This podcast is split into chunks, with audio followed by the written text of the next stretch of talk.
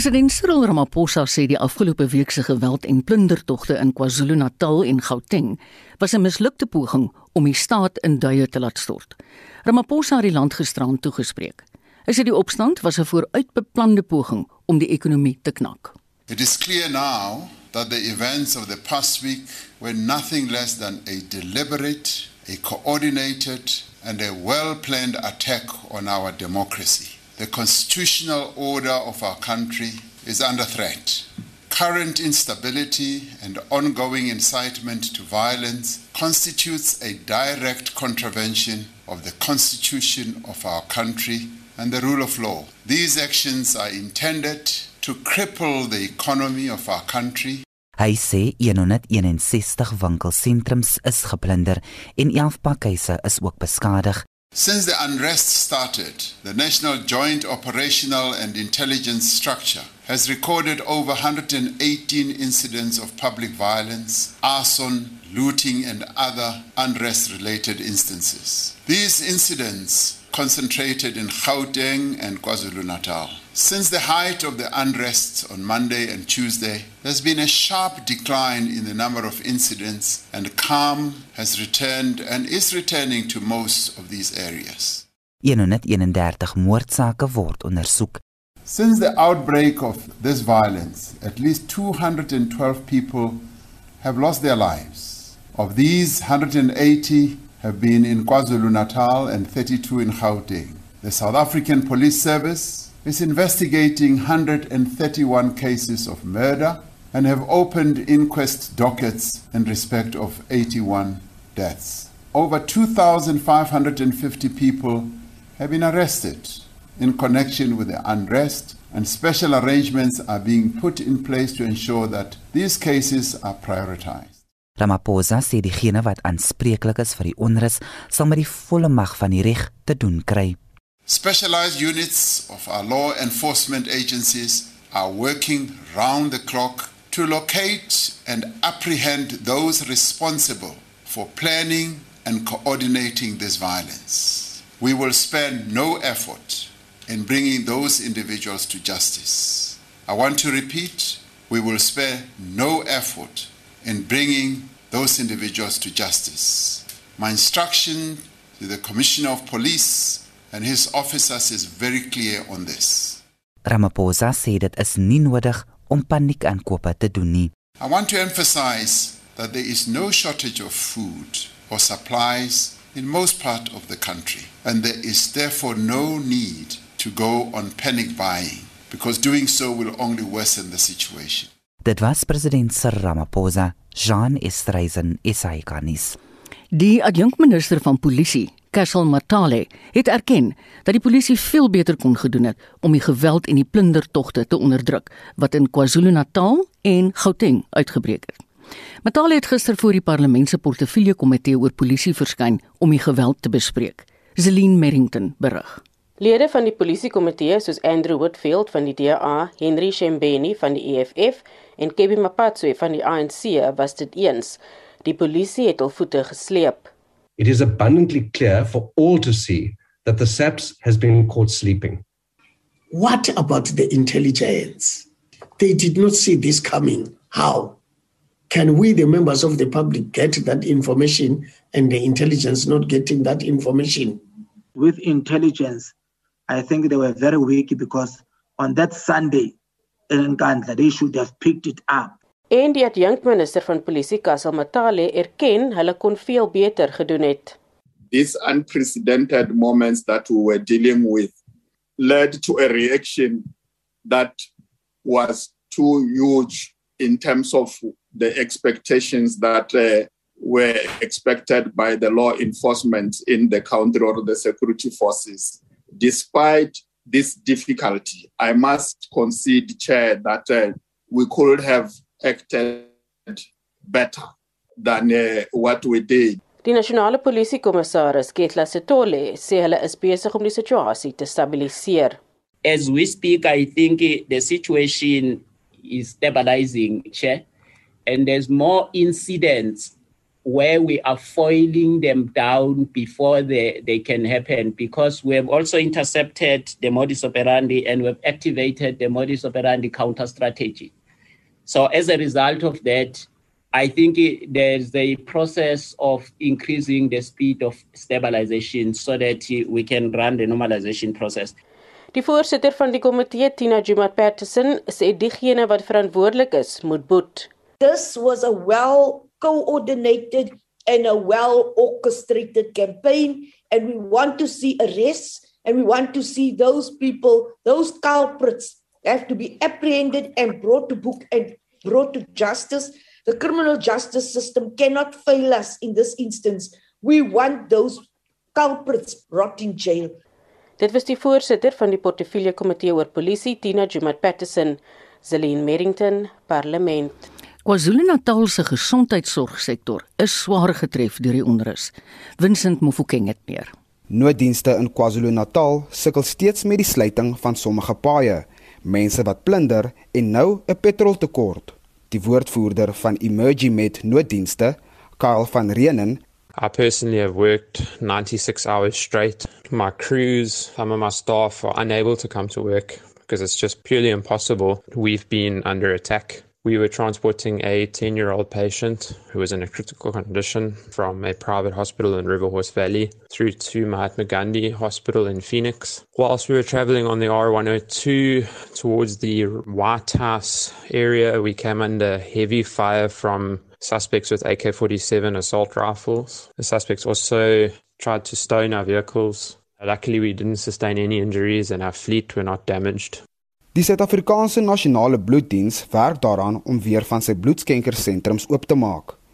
Die bloeddiens se mediese direkteur, Dr Karen van den Berg, verduidelik dat sommige van hul sentrums aangeval en geplunder is.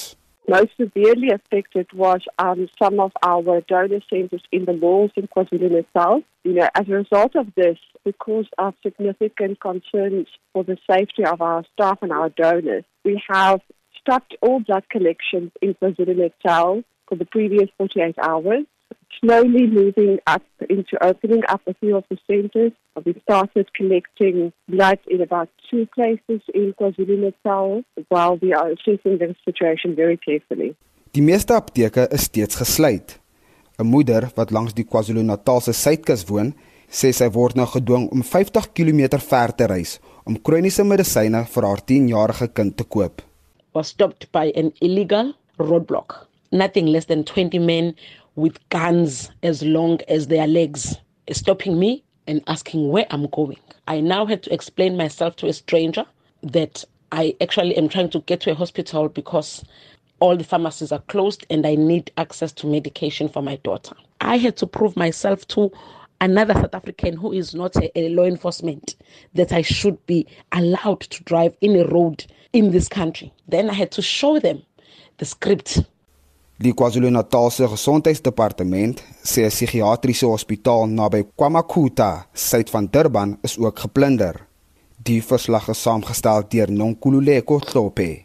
Ek is Vincent Mufokeng vir SAK nuus. Intussen is sommige ouers in KwaZulu-Natal desperaat om baba doeke en formulemelk in die hande te kry. Weer Vincent. Daar is 'n kritieke tekort aan noodsaaklikhede vir babas, soos geformuleerde melk, doeke en medisyne. 'n Moeder van Durban, Tereshni Kavende, sê sy het weke gelede aanlyn voorraad bestel wat vertraag is met die onluste en die onlangse sluiting van die N3. I'm actually in search for diapers and formulas. My husband is standing in lines for the past few days just only to be told that the store is now closed or they're out of stock. I did phone many numbers that I got via WhatsApp for baby supplies, only to be getting voicemails or they don't have stock. Met min beskikbare opsies het baie ouers hulle na sosiale media gewend vir hulp. Kinelo Zondi het 'n babaseentjie van 4 maande oud.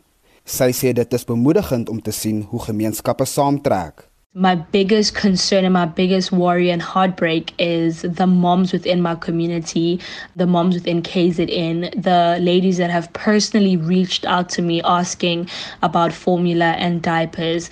I have seen the mom community within KZN really, really come together. They are sharing, they are supporting each other, they are donating. Ouers wat 'n tekort aan formulemelk het, word aangeraai om die Wêreldgesondheidsorganisasie se riglyne vir babamelk te raadpleeg. Die spesialis dokter, Dr Chantal van der Byl, sê dat dit 'n korttermyn oplossing is vir noodsituasies.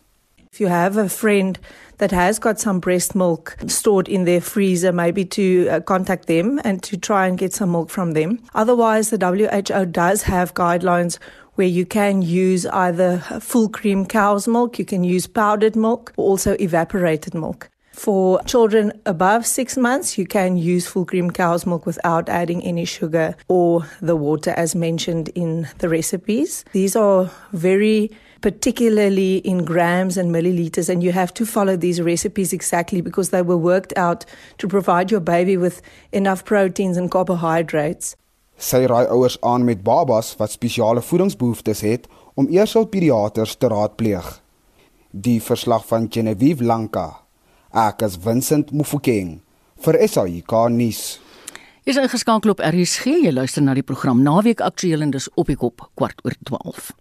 Talle vragmotorbestuurders het vasgeval by vragmotorstopplekke op pad na die Buitbrug grenspos buite Messina in Limpopo. Hulle is nie in staat om die vereiste dokumentasie te prosesseer nie, omdat van die vragmotormaatskappye nog gesluit is. Mitsi van der Merwe berig. Sommige vragmotormaatskappye het tydelik gesluit na die trokke in KwaZulu-Natal verbrand is in protes teen Jacob Zuma se tronkstraf en die eis dat hy vrygelaat moet word.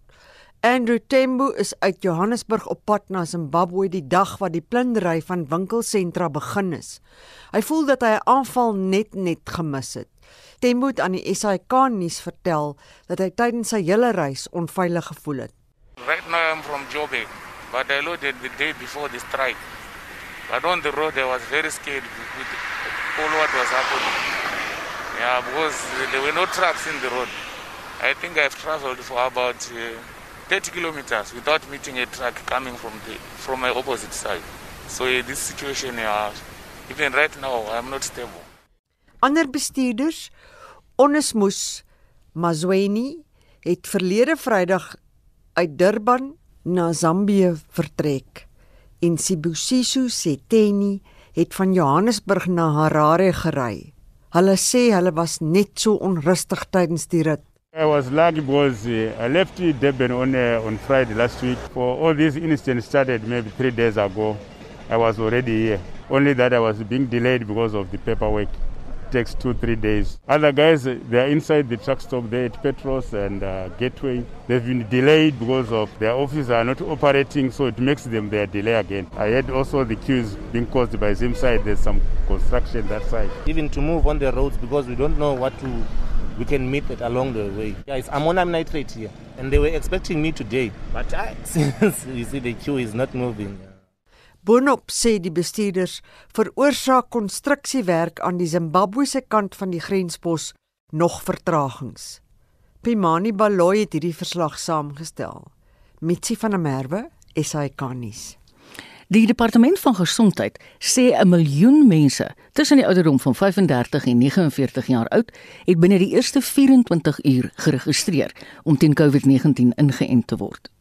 Die regeringswebwerf vir registrasies het vroeër die week vir die ouderdomsgroep geopen. Lina Magnus het meer. Generasie X en millennials het gehoor gegee aan die oproep om te registreer om teen COVID-19 ingeënt te word. Meer as 'n miljoen het binne 24 uur vir die inentingsprogram geregistreer. Honderde mense het na inentingspersele gestroom waar hulle in die winterson gesit en lees of musiek op oorfone geluister of gesels het terwyl hulle geduldig vir die eerste inspuiting van die Pfizer-enstof gewag het. Ja, wil die einde kry van hierdie pandemie en uh, is die enigste manier om uit te kom. Okay, ons is hier vandag want dan ons gaan die mm, vaksin vat en dan ons moet siek word. Ons moet gesond wees maar. Op einde van die dag dra dit by toe dit ons wil almal weer eendag of hopelik binnekort begin reis ook. So ek dink ja, dis die regte ding om te doen, die verantwoordelike ding. Kwarakakana, die woordvoerder van die LUR vir gesondheid in Gauteng, sê mense wat tussen 1972 en 1986 gebore is, kan nou by enige openbare inentingsperseel in die provinsie ingeënt word sonder om eers op die regeringswebwerf te registreer. People who are 35 to 49 years older can now get their COVID-19 vaccine at their nearest vaccination site in Gauteng. All public vaccination sites in Gauteng accept walk-ins, whether people are registered on EVDS or not. People who are 35 years and older can visit their nearest vaccination site. They will be registered and vaccinated. No one is to be turned away at public facilities in Gauteng. Sabi Bukaba, woordvoerder van die stad van Tshwane, sê die hoofstad het ekstra inentingspersele op die been gebring om die verwagte stormloop te akkommodeer. Has added 3 more COVID-19 vaccination sites to the existing ones in an effort to accommodate the newly added age groups to the accelerated mass vaccination program. Registration is open for the 35 to 49 age cohort. The latest edition brings the total number of vaccination sites from 26 to 29. Two of the new sites are located in Region 7 and the third one in Region 6. These additional sites will give impetus to the city's drive to contain the spread of this dreadful pandemic. Hoewel baie mense glo inenting en groepsimmuniteit is die vinnigste manier hoe die wêreld sal kan terugkeer na 'n weergawe van voor 2020, storm nie almal na inentingspersele om ingeënt te word nie. Ja, ek is nie 'n anti-enter nie. Ek ehm um, besluit nog of ek die ent gaan vat omdat ek tot dusver nog nie siek geword het nie en mens baie keer hoor dat mense wat die ent gekry het daarna siek geword het. Part of me wants to go do it but another part of me does not want to do it. You know, there's just so much conspiracy theories. I'll probably play a wait and see game By die stadium gaan ek nie die inspuiting kry nie. Ek gaan ook nie in die tou staan vir een nie. Dalk oor 5 jaar sal ek dit heroorweeg, maar vir nou is dit 'n nee. Ek voel daar was nie genoeg tyd gewees om dit effektief te toets nie. Die regering het die jonger generasie wat meer tegnologies gevorderd is, gevra om die ou mense te help om vir die inentingsprogram te registreer. Ek is Lila Magnus vir SAK nuus in Pretoria.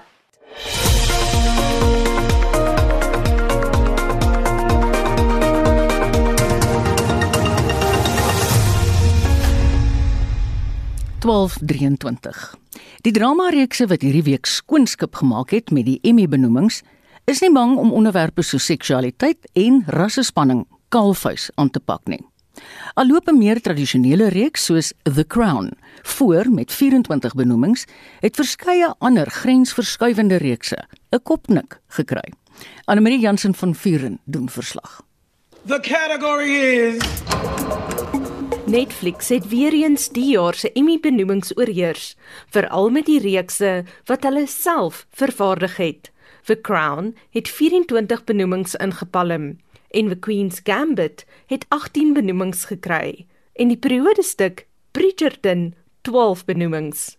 Die voorsitter van die drama-departement by die Universiteit van Pretoria, Dr. Chris Broodryk, beskou dit as deel van die goue era vir drama-reekse. Ek onthou spesifiek in 2013 toe House of Cards uitgekom het en almal verras het en mense begin sê het my luister Netflix kan regtig hier 'n impak hê op televisie soos wat ons dit ken en inderdaad in hierdie sogenaamde goue era van televisie is jou aanlyn platforms soos Netflix maar ook Amazon en toenemend ook Apple baie prominent saam met al jou ouer tradisionele netwerke soos HBO, CBS en so. The category is Live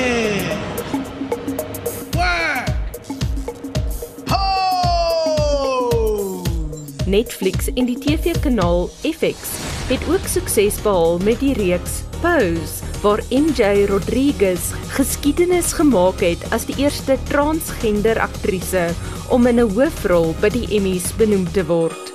Broodryk sê so 'n tipe benoeming mag dalk daartoe lei dat die reeks weer na sy derde seisoen hernuus sal word. Miskien deels as 'n viering van die reeks en die sosiale geregtigheid waarvoor dit staan, die vryheid om jou seksualiteit en jou seksuele oriëntering te kan uitleef Daarvoor is Pose ook ryklik beloon met benoemings in die verlede. Hier is MJ Rodriguez, 'n transgender performer, soos wat die Los Angeles Times haar beskryf, is sy benoem vir haar spel in die reeks en hier volg sy dan in die voetspore van ander spelers soos Laverne Cox wat destyds soveel benoemings ontvang het vir haar ondersteunende rol in Orange is the New Black. Broodryk sê Rodriguez se benoeming is ook betekenisvol omdat dit dui op 'n tendens van reekse om meer verteenwoordigend te raak in hulle rolverdeling. Mense sit nog steeds outomate met die omstredenheid rondom Jeffrey Tambor en sy reeks Transparent, waarin Tambor wat deur die media beskryf word as die sogenaamde cisgender akteur, 'n transgender persoon gespeel het. Ek het ook raak gelees dat een van die eerste uitbeeldings van 'n transgender karakter dan al reeds was in St Elsewhere in die 1980s. Ek is seker van ons luisteraars sal dit goed onthou en destyds is daar nog verwys na geslagsverandering operasies en nie na spesifieke identiteit wat poog om uitdrukking te vind nie. There's something here. Just trying to get out. Everything is where and as it should be. From 'n rolprentdosent by die Universiteit van die Vrystaat, Dr. Martin Rousseau, sê die 18 benoemings vir die gruwelreeks Lovecraft Country het wenkbroue laat lig. Die reeks speel af in die 50er jare in die FSA, toe die streng Jim Crow rassewetgewing nog gegeld het. Dis 'n HBO reeks wat op 'n kritiese wyse omgaan met die swart Amerikaanse ervaring. Soos HBO se Watchmen verlede jaar wat absoluut 'n skoonskip by die Emmys gemaak het. Lovecraft Country het 'n reuse 18 nominasies gekry vir die Emmys en tog letterlik 'n week of twee terug het HBO aangekondig dat die reeks nie gehernuwe word vir 'n tweede seisoen nie. So miskien sal een of twee besluitnemers in groot kantore by HBO dalk twee keer moet dink oor daardie betrokke besluit.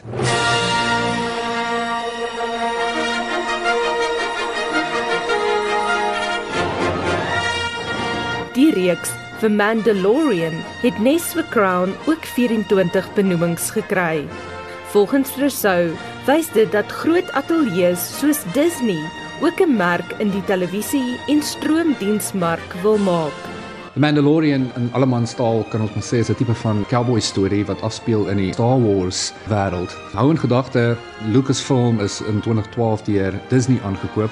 Ja, Disney het verdere Star Wars films gedoen, maar die idee was altyd ook om dit verder uit te bou in terme van videospeletjies, speelgoed en nou begin ons sien in The Mandalorian wat uiters suksesvol was en in die internet het gegons onder andere oor 'n baba Yoda figuur, maar sien in The Mandalorian van die eerste groot dividende in die TV-wêreld vir Disney met hulle aankoop van Lucasfilm. So watter reekse het die onderspit gedelf en nie verwagte benoemings gekry nie? Broodryk gee sy mening oor produksies wat in hierdie jaar se nominasies uitgesluit is. Soos wat hulle graag in die Engelse media sal sê productions that were snubbed.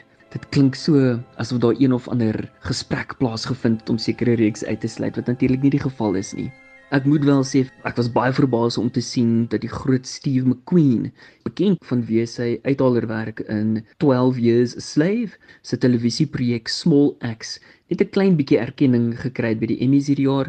Small Axe is losande, een van die beste en belangrikste televisieprojekte van die afgelope dekade wat bestaan uit 5 televisierolprente. Dit het laas jaar op ons skerms gewys en ek moedig luisteraars absoluut aan om dit op te soek. Dit is baie keer moeilik om te kyk. Die fokus is op ras en geweld in Brittanje, veral in die verlede, 1970s, 1980s en so, maar die spel is uit die boonste rakke en natuurlik die draaiboeke en die regie, veral in 'n danstoneel. In een van die Small Axe episodes wys dit vir ons dat Steve McQueen, wat eintlik ook 'n visuele kunstenaar is, absoluut een van die beste regisseurs van ons tyd is.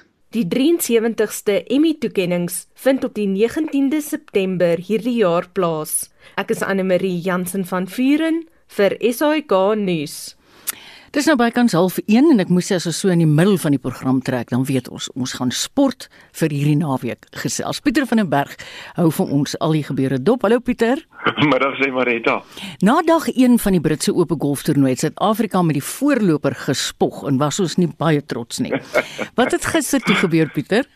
Ja, maar het daar is die 149ste Britse Ope dit word daar op die Royal St George's Golfbaan in Kent gespeel.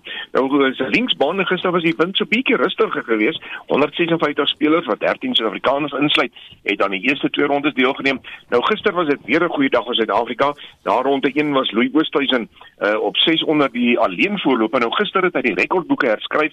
Hy het 65 gespeel wat beteken dat sy totaal van 129 houe na twee rondes is die laaste telling na twee rondes ooit in Britse oop geskiedenis. Jo. Nou wat die voorlopers bord aan betref, ons gemaak het draai Louis op 1100 syfer. Ehm um, dis daardie 129 houe van hom in twee rondes dan 1100 vir die toernooi. Colin Morikawa van Amerika, hy's twee houe naam op 900, dan Jordan Spieth, nog 'n Amerikaner in die derde plek op 800. Maar dan die goeie nuus vir Suid-Afrika of die ander goeie nuus, Dylan Fratelli, hy's gesamentlik daar in die vierde plek op 700, dan Daniel van Tonder en Justin Harding, hulle is beide op 600 sy wat beteken hulle is gesamentlik sewende in Maretta. Ons daai sommetjie vinnig gaan maak, dan sien ons in die top 11 is daar uh, nie minder nie as vier Suid-Afrikaners. Ongelooflik. Ons nou, hou duim vas vir Louis Henning jong. Absoluut. Nou die kwalifikasie was dan nou op plus 1, dis na die uh, eerste oh, twee rondes. Uh dit beteken dat die 70 beste spelers of beste tellings en gelyk daaraan gaan dan deur na rondes 3 en 4 toe. Dit beteken dat 76 spelers sal nou uh, vandag en môre in aksie wees en dit sluit sewe Suid-Afrikaners in. Dis hom lekker. Ja. Nou in Amerika word die Barbasol Kampioenskap in Kentucky gespeel. JD Poston, hy is die voorloper op 1300 na die tweede ronde met Ryan Alme en Joseph Bramlett daar op 1200 gesamentlik tweede. Emmy Duffy van Suid-Afrika is op 600 en Wilco Ninaber en Charles Swartsel op 500 syfer.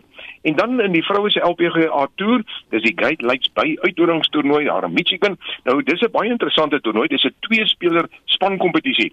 Die FSA se Cindy Clayton en Thailand se Jasmine Swananapura, hulle is op 15 onder gesamentlik voor die ander span ook van uh Thailand, Paraji Anakoran en Indië se Aditi Ashok ook op 1500. Suid-Afrika se Paula Retto, sy is gesamentlik 30ste en haar spanmaat is Dati Ardina, sy is van die Filippyne, hulle is op 500 syfer. Een is besig, né? Ek weet dit was vir ons almal nou sleg dat die Curriebeeker wedstryde moes afgelas word vanweë COVID, maar gelukkig is die Britse en die Ierse leeu's weer in aksie. Ja, jy's reg maar net daar die Britse en Eerste Leeu se toerspan het Woensdag hulle eerste pak hier in Suid-Afrika gekry. Dis toe die SA span hulle met 17-13 daar in Kaapstad getroof het. Nou vanaand speel die Britse en Eerste Leeu dan teen die Stormers in Kaapstad. Die wedstryd begin om 6uur en Dion Skuman sal gereelde verslae oor daardie wedstryd doen. Dan uh, daar is ook 'n bietjie ander goeie nuus vir Suid-Afrika se A-span. Hulle is gaan vanmiddag om 1uur in 'n oefenwedstryd teen die Bulls te staan kom onthou die eerste toets Suid-Afrika dan teen die Britse en Eerste Leeu aanstaande Saterdag so Suid-Afrika het beslis daardie oefening nodig. Ja, nou op die internasionale front is dit Samoa wat vir Tonga vanoggend geklop het met 37-15. Nieu-Seeland het vir Fiji getroof met 60-13 wat 9-3 teenoor 1 ingesluit het en op die oomblik speel Australië teen ehm um, Frankryk. Nou baie interessant. Vroeg vroeg in die wedstryd het Australië rooi kaart gekry, maar hulle loop op die oomblik voor na 21 minute se spel met 14-13 teen Frankryk. En onthou elkeen van hierdie twee lande het 'n uh, wedstryd gewen tussen daardie eerste twee wedstryde wat gespeel was. En dan om 4:00 vanmiddag, die laaste wedstryd wat internasionaal aanbetref, Argentinië teen Wallis en uh, soos ons sê, hy begin om 4:00. Pieter, die eerste oefensessies vir die naweek se Formule 1 wedren is gister voltooi. Watter ouens ken ons en waar trek hulle?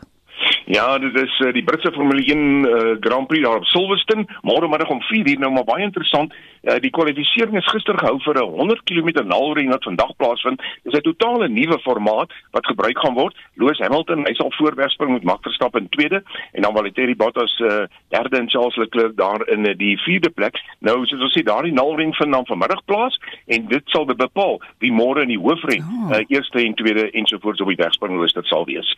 O, so dis 'n nuwe ding. 'n hele totale nuwe konsep wat gebruik word. So gister al kwalifisering, vandag die 100 km naalren uh, en dan dit, dit bepaal môre se wegspringrooster. Maar interessant, hierdie naalren gee ook vir jou so uh, 1, 2 en 3 punte onderskeidelik uh, vir die eerste 3 manne op die uh, punteleer uh, vir vandag se wedren. O, dis goed. Jong vroeër hierdie week het ons Suid-Afrikaners am sleg gebloos toe ons teen Ierland op die cricketveld pak gekry het. Kyk, gister was nou heeltemal 'n ander storie, maar ek kan nie dink as dieselfde spanne nie. Ja, kyk is ongelooflik. ek wonder of die manne dalk so net bietjie gekonsentreer het nie. Ons moet onthou, ja. Ierland is nie in die top 7 cricketspelende lande in die wêreld nie. Hulle lê by nommer 12, 13 rond en uh, ek dink dalk was die uh, die Suid-Afrikaners so bietjie rustig geweest ja, nou die eerste wedstryd het uitgereën. Mm. Die tweede een het hulle toe gewen. Dis nou Ierland met 43 lopies ja. en dan nou gister uitstekend Suid-Afrika se Janeman Malan en Quinton de Kock beide 100 talle aangeteken. 346 vir 4 in ons um, 50 balbeurte en in die ag Ierland kon net antwoord met 276. Dit beteken dat die reeks is gelykop want Suid-Afrika wen dan hierdie wedstryd met 70 lopies nadat die eerste een uitgereën het. Ons kyk nou al vir 'n hele rukkie elke dag na die 105de Tour de France fietswedren. 23 dae, 21 skofte hmm. en hy kom nou môre ten einde. Wat het gister gebeur Pieter? Ja, daar die 19de skof is gister gejaag 207 km is die afstand gewees. Mate Mojari kyk daar gesê vir hy's van Bahrein, uh, 4 uur 19 minute en 17 sekondes sekondes met Christopher Laporte van Frankryk daar in die tweede plek 58 sekondes naam en Casper Petersen, hy was derde ook 58 sekondes na die wenner. Nou algeheel is Tatja Pogačar van die Emirate steeds die voorloper 79 uur en 40 minute al in die saal. Uh, Jonas Vingegaard is 5 minute en 45 sekondes naam met Richard Carapet. Nou in die derde plek 5 minute en 51 sekondes na die voorloper of agter die voorloper. Lou uh, Louis Mentjes van Suid-Afrika is 14de 35 minute oh. en 55 sekondes agter die voorloper. En dan interessant vandag se tweede laaste skof, dis die 20ste skof word net oor 30 km gejaag, maar dis 'n individuele tydtoets, so mm. elke man jaag vir homself. Ja. Ja, ja, dit is altyd baie aanskoulik. Ek hou nogal daarvan. ja. Hoorie Pieter, die halfeindwedstryde van die Kusava sokkerbeker toernooi is nou voltooi. Het Suid-Afrika die eindstryd gehaal? Ja, ons het ons het ons het gister van Mosambiek geklop daar in Port Elizabeth met 3 doele teenoor 0 en die ander halfeind was dit Senegal wat 'n uh, doel uitskietstryd vir Eswatini geklop het. En dit is natuurlik nadat dit 2-11 was in gewone tyd en die eindstryd word môre middag gespeel Suid-Afrika teen Senegal. En dan vanaand natuurlik Caf se Kampioenligga is dit Kaizer Chiefs teen Al Ahly daardie wedstryd begin om 9uur en dan van vanmiddag 3 uur sal Jody Hendricks terug wees met RSG Sport. En ek sou ook gereeld vanmiddag oor die golfverslag doen Marita Ek sê elke naweek vir hoor jy gaan jou hande vol hê met al die werk wat jy moet doen, maar weet jy ons kla nie, want kan jy onthou hoe was dit verlede jaar hierdie tyd? Ai ai ai, ons het iets gesoek om te kry. Ek het nooit met jou gesels nie, want daar was net nie sport nie. Weet jy, ons ja. is so dankbaar ons kan weer gepraat. Dis hy, dis hy. Dankie, dankie Marita, mooi middag vir jou ook. Pieter, baie dankie. Dit was RSG se sportkoördineerder Pieter van der Berg. In ons weeklikse motorrubriek toets Wessel Pretoria 'n veelsidige kruisvoertuig.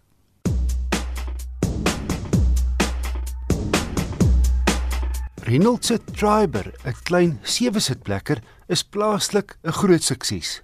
551 nuwe eenhede is verlede maand verkoop. In wese 'n hoëstaande snoetbussie met kruisvoertuigkenmerke. Voorlangs 'n heel netjiese generiese Renault neus. Hy het dakreëlings wat 50 kg kan dra, hoë swart wielbo, skraapplate voor en agter en 'n goeie 182 mm grondvryhoogte verskaf die gewilde sportnutsgeur. Dis verbasend hoeveel spasie in hierdie lyf van net 4 meter beskikbaar is. Danksy 'n kort neusgedeelte word die res van die waantjie slim en prakties ingespan met 3 rye sitplekke. Nou goed, die twee sitplekke in die derde ry is wel net vir kinders bedoel, maar kan elkeen afsonderlik opvou of elk redelik maklik heeltemal verwyder word vir 'n groot bagasieruim. Die tweede ry sitplekke kan vorentoe en agtertoe skuif en die rugleunings kan verstel of vorentoe platslaan. Trouwens, jy kan al die passasiers se rugleunings, ook die heel voorste ene, platslaan as jy lang voorwerpe soos 'n besem of 'n visstok of selfs 'n fiets wil inpas. Die reeks begin teen R185900. Ek het die duurste van 3 modelle gery genaamd Prestige wat teen R211900 meer toerusting bied as verwag. en teen die prys 'n heel smaakvolle kajuit het. Boonop voel die materiale se kwaliteit heel goed. Die model kom met 15 duim alloy wiele, 'n sentrale skerm wat met jou slimfoon koppel, sleutellose toegang en aansluiting, elektriese vensters en syspieëls, kragpunte voor en agter en die agterste passasiers kan al ligversorging apart stel. Hy het nogal 'n interessante instrumentpaneel. Die spoed word elektronies aangegee en jou toeremeter is ook elektronies. En dan kan die sentrale kussie tussen die twee voor sy sitplek verkoel. Nogal drie verskillende stellings. Veiligheidskenmerke sluit in vier ligsakke, ABS remme, 'n driebeeld en drie sensors en dagryligte.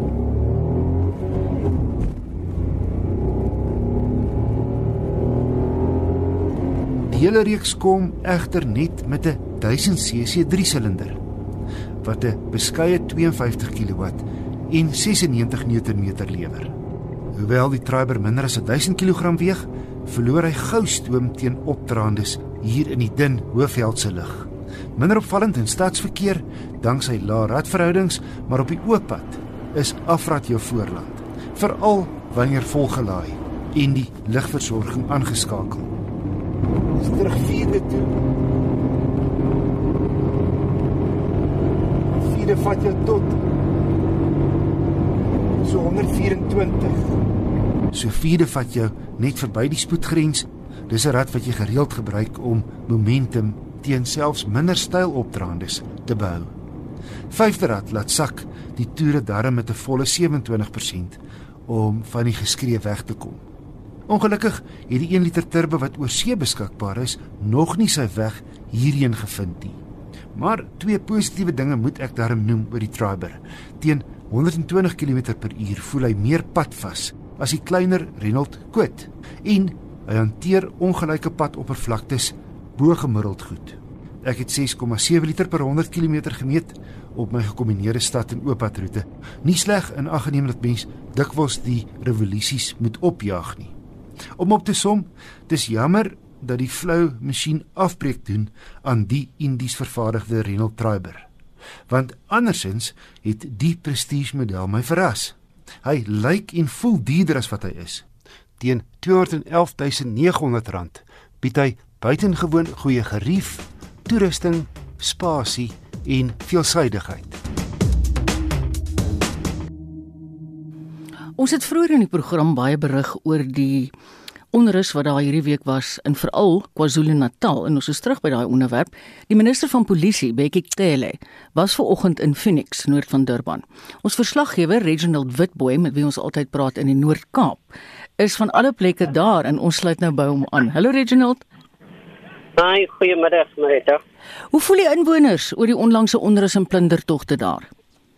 Ja, hulle het het dit duidelik aan die pol, aan die polisie minister gemaak, Bekkie Cele, dat hulle ontevrede is oor die manier hoe dinge ehm um, uit verband uit geruk het ehm um, te midde die onluste.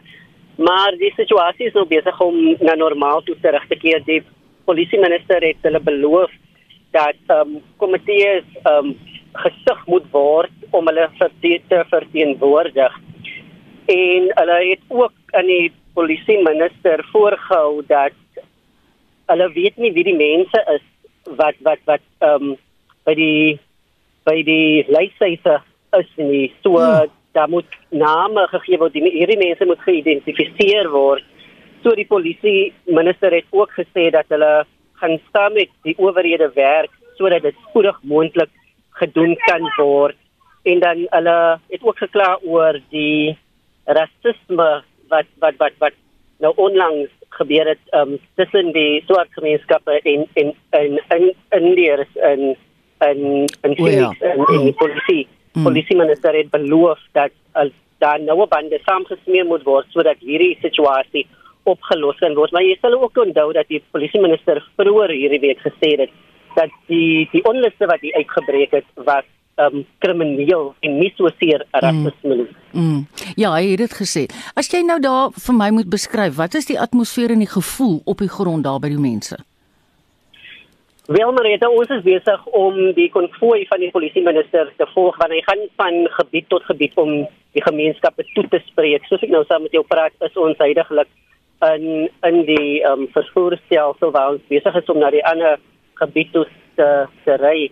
En soos ons hier die gemeenskappe ry, is alles dit lyk alles asof dit na normaal toe terug ehm um, gekeer het, maar die die sommige paaie is is is is steeds kan mense sien die ja. na na alles wat gebeur het ja ehm um, dit dit die, die karre wat gebrand is en die paaie wat steeds skoon gemaak moet word is steeds duidelik sigbaar maar in terme van vervoer ehm um, vervoer is besig om vrylik te beweeg hmm. en ons onthou ook dat die president gisteraan in sy toespraak gesê het dat die mense wat agter dit alles sit die die gereg sy gang moet gaan en ja. niemand is verhewe voor die gereg is. So hy het ons beloof dat hulle besig is om om hierdie mense vas te trek en ook genoem dat um, wat wat baie hartseer is dat 212 mense reeds hulle lewe tydens hierdie onluste verloor het. Ja, dit is baie hartseer. Reginald, ek kan nou nie sê geniet jou tyd in KwaZulu-Natal nie want jy is kwaliek met 'n vakansie daar, maar baie dankie. Dis interessant om met jou daar te praat in ons land. Dit was die verslaggewer wat nou in Durban is, Reginald Witboy. Wanneer Suid-Afrikaners môre die verjaardag van oud-president Nelson Mandela herdenk, moet 'n mens onthou van die opofferings wat hy gemaak het vir politieke redes en ook aan die bou van die demokrasie. Soos hy Mandela se voormalige persoonlike assistent Zelda Legrand sê, Heinrich Weingart het met haar gesels. Legrand sê kriminele elemente behoort nie toegelaat te word om die land gevange te hou en onder valse voorwendsels die demokrasie en eenheid te ontwrig nie. As ons Madiba onthou, moet ons onthou dat hy 'n aversie gehad het in oneerlikheid en dat die eenheid wat hy bevorder het deur sy hele presidentskap en daarna is 'n eenheid wat hy graag sou wou sien opstaan teen hierdie kriminele elemente. Ek dink dit is die ideale manier hoe ons hom kan onthou hierdie naweek om terug te dink aan die dinge wat hy ons geleer het in verband met eenheid, in verband met geregtigheid, in verband met respek vir reg en geregtigheid. Sy sê maar die was so ontsteld gewees het oor wat die afgelope week kop uitgesteek het. Hy sou wou hê die reg moet gerespekteer word. Ehm um, dit is die eerste ding en die tweede ding dink ek hy sou hy sou baie ontsteld gewees het. Ehm um, hy sou kwaad gewees het. Eintlik, jy weet dat soveel mense hulle self toelaat om deel te wees van 'n kriminele plot wat besig is om hier af te speel. Ehm um, maar ek dink hy sou ook vir mense gesê het om om te, om te onthou om kalm te bly um, 'n mense opponent wil sien dat jy paniekerig raak en hulle wil sien dat jy foute maak. So dit is belangrik in sulke situasies dat mense nie die reg in eie hande neem nie, dat hulle nie toegee tot die dinge wat ons juis so uh kwesbaar maak nie, dinge rondom ras. Uh, moenie reageer nie, moenie uh, reg in eie hande neem nie, want dit is juis wat die opponent op staat maak dat ons sou doen. Legrandsie sê sy sou nie graag 'n vergelyking wil tref tussen Madiba se leierskap en hoe die situasie deur president Cyril Ramaphosa gehanteer word nie. So ek dink jy weet hy sy sy leierskap sou nie veel anders as die van meneer Ramaphosa gewees het nie. Ek dink 'n miskien 'n bietjie kwaader. maar jy weet ons ons het geen idee dink ek as buitestanders wat regtig aangaan en um, hoe delikaat hierdie situasie eintlik is nie. So dis dis moeilik om jy weet dit te uh, vergelyk. Ehm um, tye is baie anders as in die dae wat Madiba um, sy leierskapstyl kon toon. So daar is dalk iets anders nou nodig. Sy sê die COVID-inperkings vereis dat dinge van jaar anders aangepak word om Madiba se diens aan die gemeenskap uit te leef. Sy self sal onder meer by 'n kinderhuis geskenke gaan aflewer en ook saam met die Springbokster Brian Abana 'n groentetuin by 'n skool in Greyton in die Oeverberg begin. Gou en dan wil ek sop kook. Ehm um, soos almal seker weet by nou is ek nie 'n chef nie. Ek weet nie hoe om my ketel aan te sit nie, maar ek gaan probeer sop kook net vir 'n klomp mense wat hawelose mense in ons gemeenskap. Ons moet onthou dat Mandela Dag, die bedoeling was nooit dat 'n mens duisende rande spandeer, ehm um, of jy weet groot goed doen nie. Die bedoeling was nog altyd dat jy in jou eie omgewing begin om verandering te bring. So daar's dalk iemand wat honger het, daar's dalk iemand wat net hulp nodig het, daar's iemand wat net aandag nodig het. Ryk uit na daai persoon, maar onthou asseblief dat met die Bassel ook as hy vandag hier was mense gewaarsku het en gesê het bly asseblief veilig. Moenie die COVID regulasies nou uh, oorboord gooi nie. Dit is belangrik dat mense gesond bly, dat hulle ander gesond hou en uh, Mandela Dag moet juis dis nie daardie regulasies breek nie. Die garansie moedig ook mense aan om die slagoffers van die geweld en plundering in KwaZulu-Natal en Gauteng by te staan deur byvoorbeeld skenkings aan noodlenigingsorganisasies te maak. Heinrich Weingart, SAK-nuus. Teaters is steeds gesluit in vlak 4 van die inperkingsregulasies. Kunstenaars wat nou al meer as 'n jaar lank net af en toe kan werk weens die pandemie, trek veral swaar. In sy teaterrubriek kyk die teaterresensent Frans Swart vandag op watter interessante maniere kunstenaars nuwe idees gestalte gee. Met die laaste aankondiging van die president oor inperkings het teaters weer aan die kortste end getrek en alle teaters word tans verhoed om enige opvoerings te doen. Kunstenaars en bestuure is egter besig om met allerlei nuwe idees vorendag te kom. Die KAK&K het sopas 'n digbundel gepubliseer, Maskers en Mure, met die COVID-19 pandemie as tema. Hugo Tiart, die artistieke direkteur van die KAK&K, sê dat dit vir die Klein Karoo Nasionale Kunstefees 'n voorreg is om met hierdie publikasie betrokke te wees. Maskers en Mure is wat ons noem 'n pandemie digbundel, want dit is skrywers en digters wat geskryf het oor hul ervaring tydens hierdie tydperk wat ons nou deurgaan, spesifiek van die pandemie ons geslaan het en tot met onlangs. En dit is enig in sy soort in Afrikaans op die oomblik in Suid-Afrika. Dit dien eintlik as 'n tydkapsule vir 'n baie spesifieke tyd en waardeur mense en waardeur ons almal gegaan het. Hy sê die bundel is uniek in Suid-Afrika. Dit sal onregverdig wees om spesifieke digters uit te lig want daar is so 'n groot verskeidenheid van digters, bekende name en minder bekende name, van eintlik mense wat bekend is as liedjieskrywers of musikante tot jy weet ons vooraanstaande digters en skrywers. So ek gaan liewerste niemand uitlig hierson nie. Die hart sê dat die idee van die digbundel spontaan ontstaan het. Die gedagte aan die digbundel het gekom van Tuks 5 publikasies. Dis 'n nuwe publikasiehuis wat gedurende die pandemie eintlik gestig is deur Hannes Visser van Oudtshoorn en Marlene Malan van Prins Albert en dan ook natuurlik Daniel Hugo. Hy sê meer as 142 digters het bydra tot die bundel gelewer. Die bundel is nie net ernstig en swaar nie, dit het ook baie humor in dit en die styl van elke gedig is anders en besonder. Die sanger Alwyn Oberholzer is Sondag om 5uur aanlyn te sien in die produksie Golden Oldies. Oberholzer sê dat die goue oue treffers hom nog altyd bekoor het. Ek het besluit op 'n Golden Oldie produksie omdat die ou musiek so lekker by my stem pas en ek groot geword het met die musiek. Die Atterbury Theater het die nasionale optog kunskompetisie van stapel gestuur. Die bestuurder van die Atterbury Theater, Janey Root sê dat omdat die teater nie vertonings kan aanbied nie, het hulle besluit om hierdie kunskompetisie aan te bied. Met hierdie kunskompetisie kan ons teater op 'n ander manier gebruik en 'n ander vorm van kuns aanbied. Root sê die idee van hierdie kunskompetisie het by sangeres Anna Davel ontstaan. Sy het eendag gesit en gesels daaroor en gesê, "Maar hoekom gebruik hulle nie nou die geleentheid om 'n kunskompetisie te doen nie?" Sy sê dat die kunskompetisie oop is vir almal. Dis vir jonk tot oud en daar is wonderlike prysgeld op die spel. Die volwasse kategorie se eerste prys is 'n heerlike R10000 en die totale waarde van al die prysgeld tesame is hier rondom R40000. So is 'n regtig baie baie lekker kompetisie om in te skryf. Die sluitingsdatum vir die Optog Nasionale Kunskompetisie is 26 Julie en al die inligting is beskikbaar by www.optog.co.za. Nou ja, ek kan nie hierdie week sê ek sien julle in die teater nie, maar ek sien julle wel in die teater as ons eendag weer teater kan maak. So sê Frans Swart, stuur gerus jou teaternuus aan Frans by lefra.com. Frans by lefra.com. Ons bly by die kunste. Die Kaan Internasionale Rolprentfees het hierdie jaar weer letterlik plaasgevind nadat die COVID-19 pandemie verlede jaar se fees in die wiele gery het. 'n Suid-Afrikaanse rolprentmaker, Matthys Boshoff, woon tans hierdie fees op die oewer van die Franse Riviera by. Boshoff het van tevore die regie van Rageltjie de Beer, die rolprent behartig. Hy het met Anne Marie gesels oor sy ervarings by Kaan.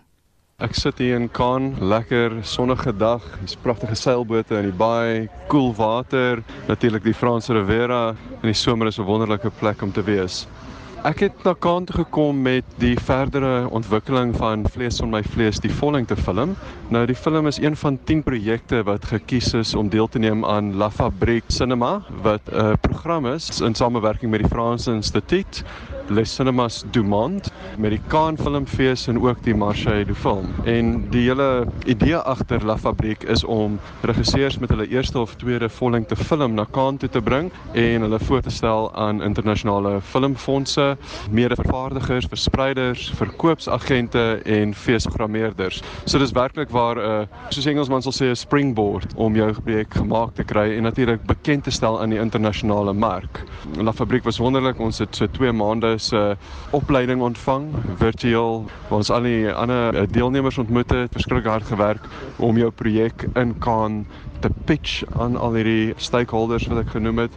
Maar natuurlik was die hoogtepunt daarvan om Cannes toe te kom en vir 10 dae hier te wees en aan allerlei programme deel te neem. Die Cannes Rolprentfees het nie verlede jaar in sy volle glorie plaasgevind nie. Dink jy dit het 'n invloed op die atmosfeer by hierdie jaar se fees? Ja, dit is my eerste ervaring in Cannes, maar as ek met mense gesels wat al van tevore hier was, is dit rustiger. Alhoewel die mense van reg oor Europa gekom het, het die meerderheid by die huis gebly. So baie van ons vergaderings bly nog steeds virtueel met mense in ander Europese lande, maar almal wat in die bedryf is in Frankryk is natuurlik en natuurlik al die films wat in kompetisie speel of in die soos hulle noem die sidebar programme soos Directors Fortnight, La Semaine de la Critique, die Acid programme speel. Natuurlik is al daai filmmakers ook hierso. Atmosfeer is wonderlik. Dit voel vir my asof ek so bietjie terug is in 2019. vir die eerste keer meer as 'n jaar en 'n half het ek gedans by 'n partytjie. Natuurlik is baie mense ingeënt alreeds, so hulle met die pandemie te werk gaan. Ons almal word elke tweede dag getoets. So daar's 'n baie proaktiewe proses van contact tracing as jy dit so wil noem.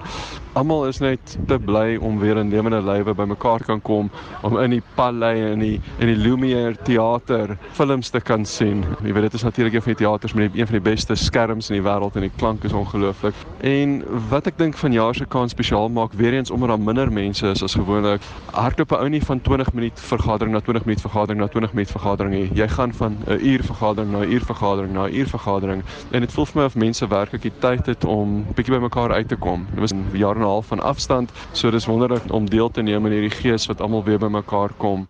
Het daar al deure oopgegaan vir jou projek net in hierdie tydperk wat jy nou by Kaan is? Om hier te wees en aan die internasionale mark bekend gestel te word is enorm. Moontlike Duitse vervaardigers, moontlike Nederlandse vervaardigers met ons wil werk, 'n hele handvol Franse vervaardigers wat baie belangstel in die projek en is al filmfondse wat nou belangstel en daarbenemens het ons alreeds 'n Noorse vervaardiger wat saam met ons werk. So dit alles gaan oor momentum om spoed op te tel. Ek dink as jy kyk na Suid-Afrikaanse films wat internasionaal goed doen, die groter meerderheid van hulle veral die wat in A-lys feeste speel, is meeste van die tyd internasionale kooproduksie. So, uh, ou kyk na jou mede-vervaardigers se uh, netwerke wat jy eweslik blootstelling aan kry, maar daar's ook 'n kulturele en 'n artistiese uitruil transaksie wat plaasvind wat 'n estetika en 'n manier van 'n film kyk en daaroor dink wat aan ou afsmeer en natuurlik jou eindproduk sal beïnvloed. Dit klink of daar baie hoogtepunte tot dusver is, maar is daar dalk een of twee wat jy vir ons wil uitsonder?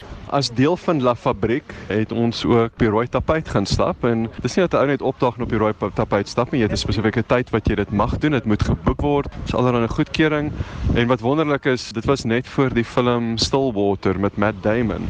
En soos 'n ou op die rooi tapuit stap, kondig hulle jou naam aan en met watse program of projek jy in Cannes. So dit was wonderlik. So 'n bietjie voor die paparazzi te staan vir die eerste keer in my lewe en te blink glimlag in 'n strikdas. dit was 'n wonderlike ervaring. Ek, ek dink die ander hoogtepunt werklik was die gemeenskap wat ons gevorm het in die program. Jy weet, hiersoos filmmakers van Kiba wat deelneem, van Afghanistan, van Kolumbia, Costa Rica, Gabon, Egipte, mense uit die Filippynse eilande. So hierdie wonderlike gemeenskap wat ons gevorm het, amper 'n familie geword het, was wonderlik. En die ander hoogtepunt, soos ek gesê het, vir die eerste keer in 'n jaar en 'n half kon ek dans by 'n partytjie en ou besef hoe iets eenvoudig soos dans 'n diep uitdrukking van mense menswees is. Dis baie waar woorde. Die rolprentmaker Matthys Boshoff en hy het met Anne Marie Jansen van Vuren gepraat. Onthou gerus as jy belangstel jy dalk laat ingeskakel of net in die sterkant van 'n storie ingekom. Naweek Aktueel Spectrum Monitor en kommentaar is beskikbaar op Potgoe by RSG se webblad rsg.co.za. Ek groet namens ons waarnemende uitvoerende regisseur Hendrik Martin, vandag se redakteur Jean Esterhuizen, produksieregisseur Daitron Godfrey. Renske sit gereed met die 1 uur nuus in die ander ateljee.